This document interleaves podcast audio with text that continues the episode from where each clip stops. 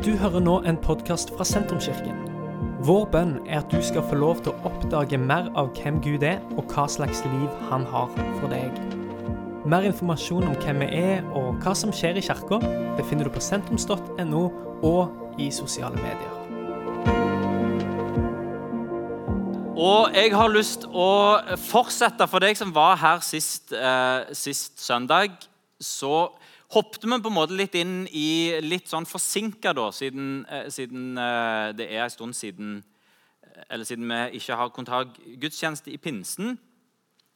Eh, og når det var Kristi himmelfart, og snakke både om Kristi himmelfart og om pinse og hva det har å si for oss. Og Jeg har lyst til å ta det et lite steg videre. Sist eh, søndag så var det apostelgjerningene 1 som var tekst. Nå så er det apostelgjerningene 2 som er på en måte selve pinseteksten.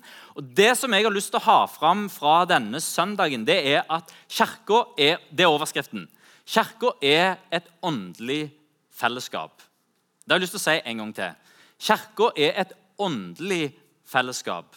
Det året som vi har hatt nå, det har gått utover nettopp fellesskapet. Eh, og det har gjort det krevende for mange å være en kristen, fordi en kan per definisjon En kan kanskje, men eh, det er særdeles vanskelig å være kristen alene. For kristen tro leves per definisjon ut i fellesskapet, sammen med andre. Derfor er et sånt spørsmål som en som tror på Jesus, eh, kan spørre seg sjøl med jevne mellomrom. Hvem er mitt kristne fellesskap? Hvem er jeg kristen sammen med? Hvordan er jeg kobla på det kristne fellesskapet? Og det handler om så mye mer enn vennskap. Eh, for en er ikke avhengig av venner, kristne venner for å ha et kristen fellesskap. Det et, det kristne fell, La meg si det på ny. Det kristne fellesskapet opps, begynner ikke med vennskap.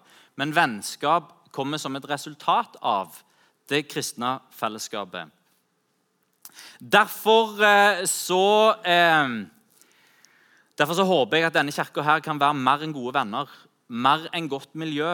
At vi lager noe mer enn en kjekke forening. Mer enn inspirerende gudstjenester òg. For det kristen tro er, den er åndelig. Eh, og det kristne fellesskapet er derfor et åndelig Eh, et åndelig fellesskap. Um,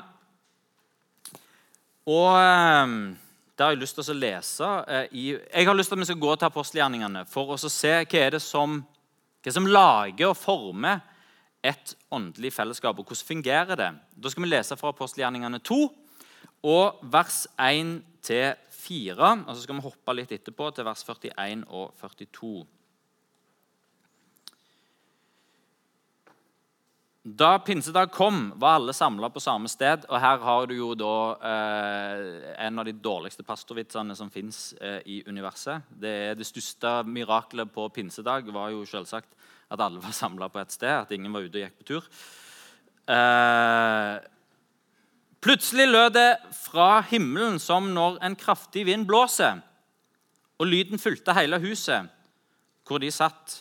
Tunger som av ild viste seg for dem delte seg og satte seg på hver enkelt av dem.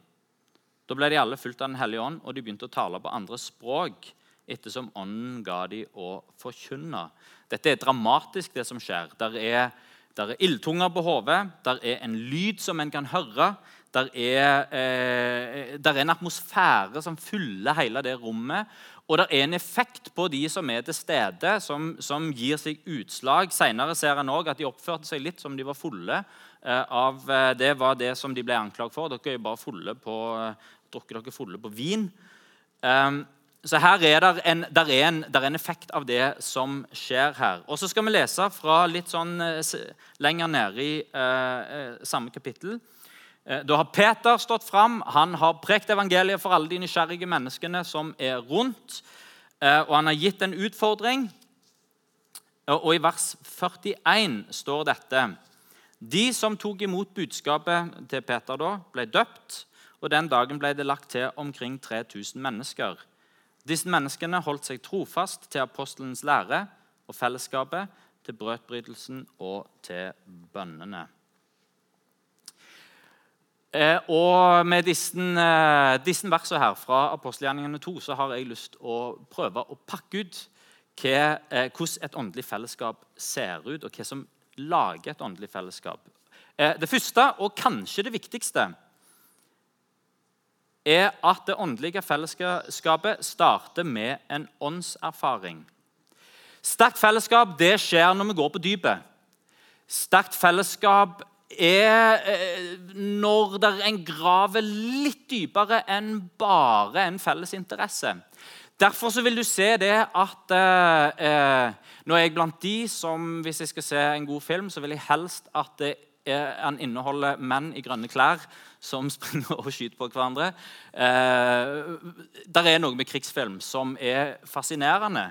Eh, og det er noe som skjer i de, i de gode krigsfilmene. Så, så ser en hva som skjer i det miljøet. Det blir et vanvittig tett fellesskap. Fellesskapet blir så tett. Hvorfor? Ikke fordi de har felles interesse, ikke fordi de har samme type utdannelse, men fordi de har en erfaring som går på dypet. De er dypt avhengig av hverandre. De har traumatiske opplevelser som de opplever sammen. Og Basert på disse her felles erfaringene så blir det et dypt fellesskap eh, som gjør at, eh, at eh, en gjerne holder sammen etterpå òg. Eh, barselgrupper har vist seg å være slitesterke. Eh, særlig når det er flere som kommer i en barselgruppe som får barn for første gang. Eh, og så blir det ei barselgruppe med, eh, med, mødre som kanskje ikke kjenner hverandre eh, fra før av men som deler den, og som kanskje ikke har masse felles interesser heller, men som deler denne dype erfaringen av å bli forelder, av å bli mor og ta vare på et lite barn. Det er noen barselgrupper som er så slitesterke at en, eh, altså, ungene de, de, er jo ikke babyer lenger. De begynner i barnehagen og de begynner på skolen. og De, eh, de bare går videre i livet. Men barselgruppa den, den, eh, den, fortsetter. Fordi en, en, en har et dypt fellesskap basert på en felles opplevelse. Det samme finner vi i sorggrupper, i eh, rusavhengighetsgrupper, i støttegrupper osv. Når en går på dypet og deler noe som er dypt, så blir det godt fellesskap av det. Åndelig fellesskap har noe av dette i seg.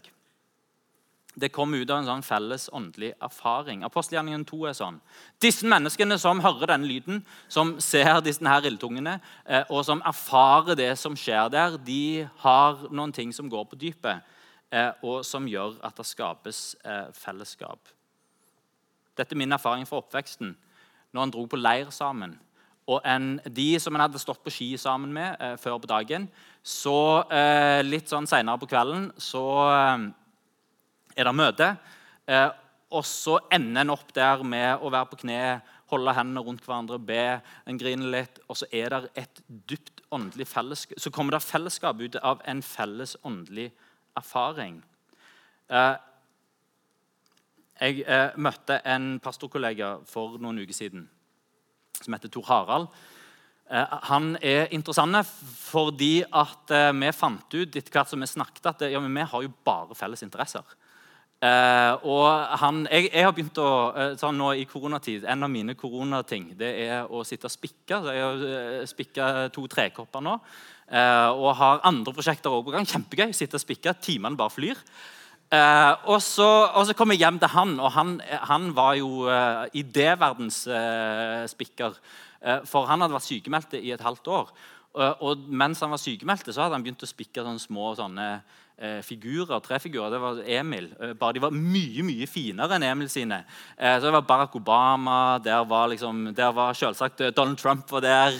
Eh, så Han spikka små figurer, og så malte de etterpå. Sånn, eh, små sånne gnomer, sånne nissegnomer. Så, så, han hadde i stua Det er ikke tull. Hele, liksom, det var ei hel hylle over hele stua med bare sånne små figurer. Og, og han, han, han, kunne ikke slutte. Det var så gøy. Så spikking, Vi satt og snakket om spikking, og så viste jeg at han var interessert i fugler. så da kunne vi snakke snakke en time til. Eh, og så var han interessert i fjellet, så da var det enda en time til hvor vi kunne sitte og snakke om det. Og så var, eh, var det fotball. Sønnen han var eh, vanvittig fotballtalent, så da måtte vi snakke om fotball òg. Så det var jo kjempegøy. Men det som er interessant da, det er at eh, Vi ble gode venner basert på dette. Men ofte når jeg treffer andre pastorer eh, det, Der er aldri felles interesser. Det er jo det som, det var derfor det var så gøy å treffe han. Eh, de er opptatt av totalt, andre, totalt meningsløse ting. Eh, det er som regel sånn. Eh, men det er dypt fellesskap allikevel.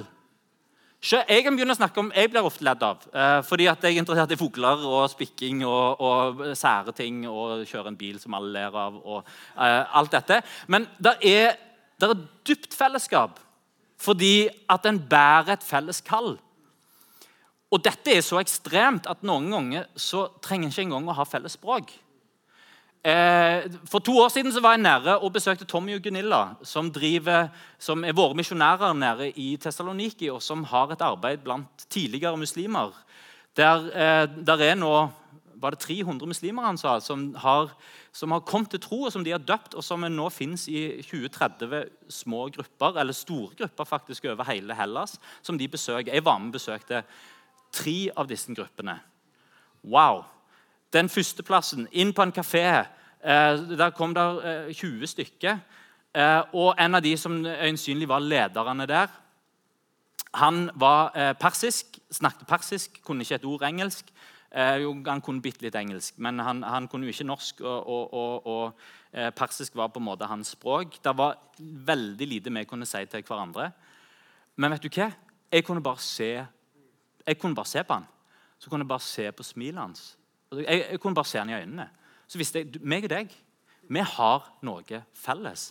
Og når jeg hørte historien hans, så trodde jeg jo ikke, jeg trodde jo ikke at det jeg så, var det som historien fortalte. Eh, for hans historie var at jo, jeg var i Istanbul, og jeg var, et, jeg, jeg var ødelagt av crack. Eh, og, og, og, ødelagt på narkotika.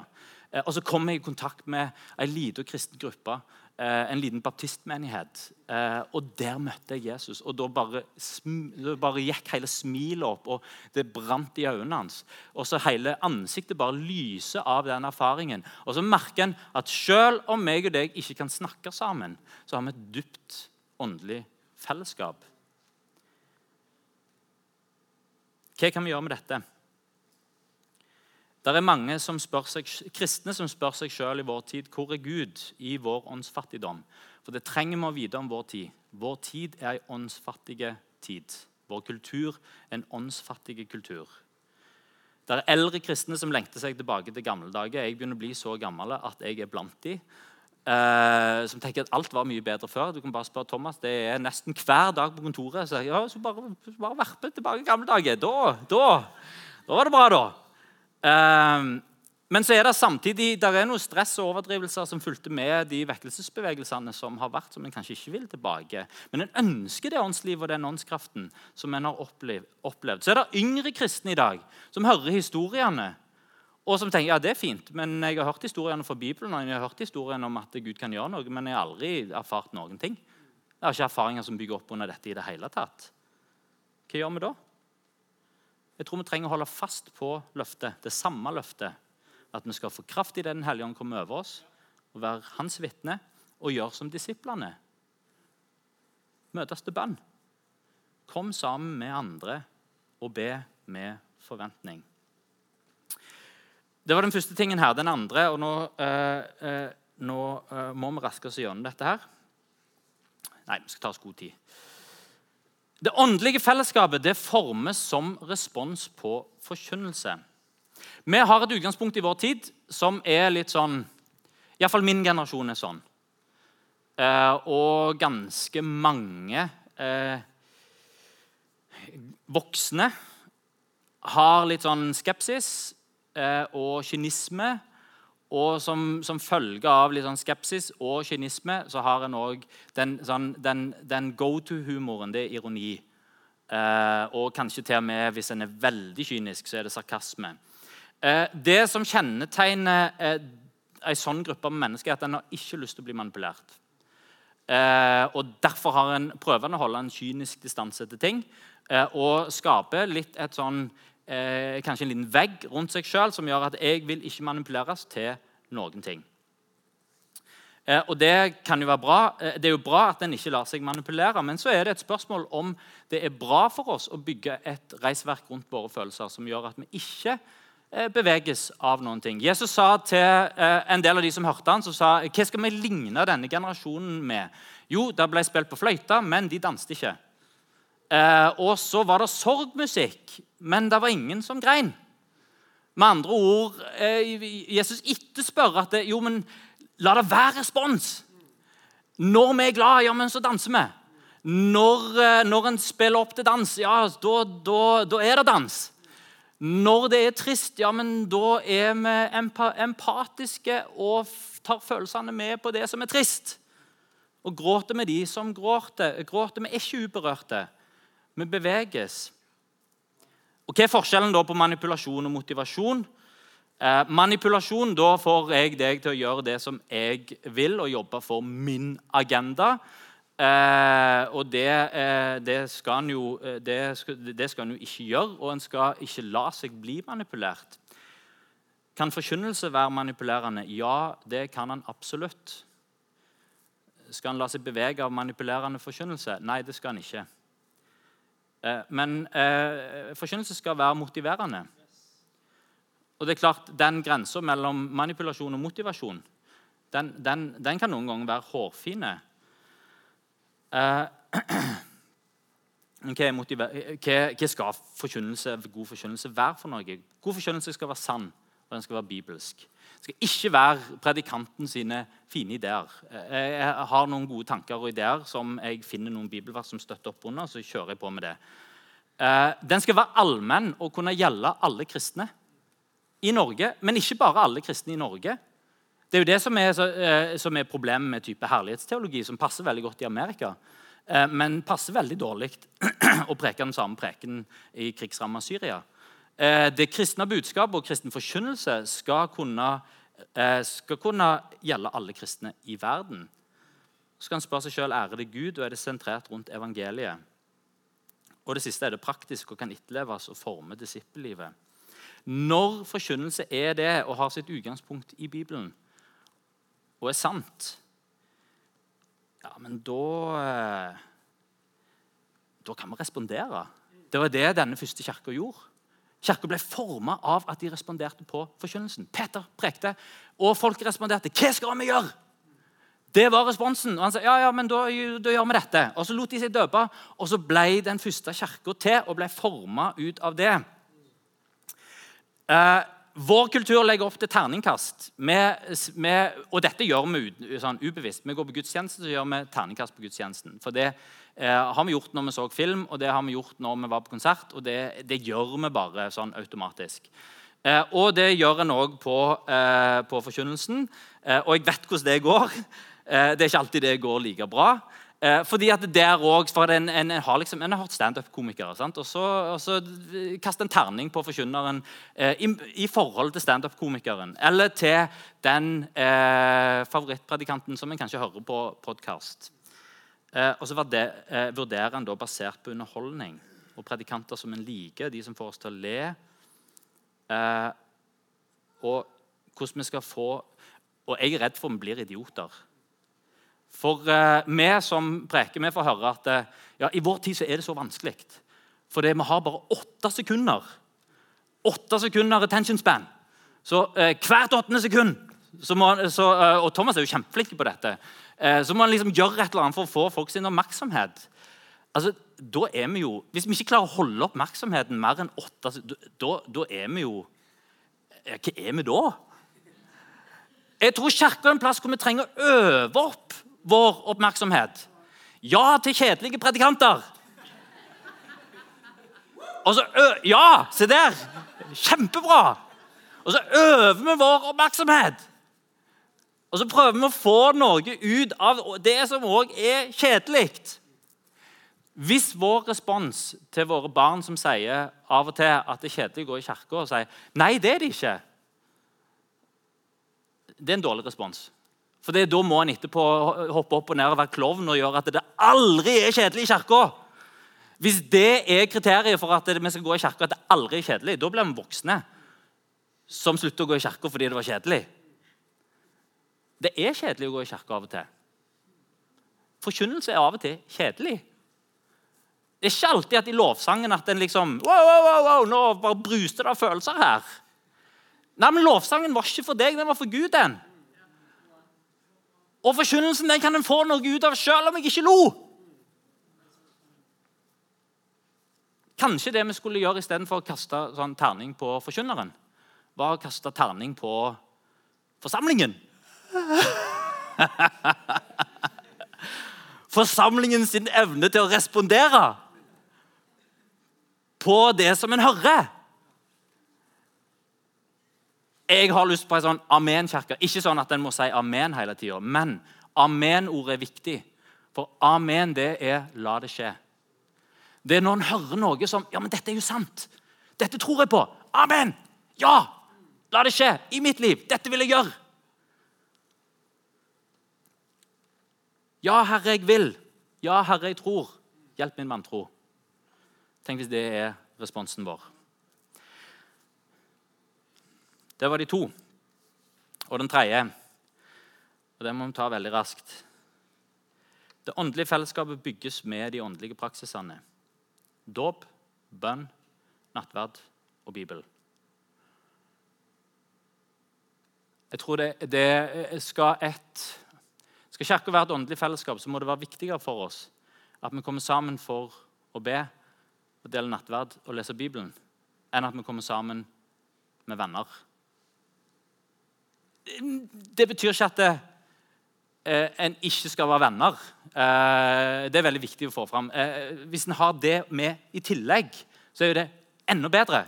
Og Hvis det ikke er der i utgangspunktet, så kan faktisk en gruppe med weirdos som ikke har noen ting med hverandre å gjøre i det hele tatt, som er på forskjellige planeter, kan komme sammen rundt disse åndelige praksisene, og så kan det over tid bygges et dypt fellesskap som utvikler seg til å bli vennskap. Og det er så vakkert. Og det er når Kirka fungerer sånn som dette, det er da Kirka blir så vakker som man skal være. At folk av alle, eh, av alle slekter og stammer og nasjoner og språk og kulturer og livsbakgrunner og livssituasjoner og alder og generasjoner og alt i sammen kommer sammen rundt disse tingene. Dåp, bønn, nattverd og Bibel. Og Jeg hadde tenkt å si noe om alle disse. Det hopper jeg over. Og Så går vi rett ned på bønn. Og så kan lovsangsteamet komme og gjøre seg klar. Jeg har lyst til å lande ut med bønn. Eh, så jeg hopper over og sier noe om dåp og nattverd.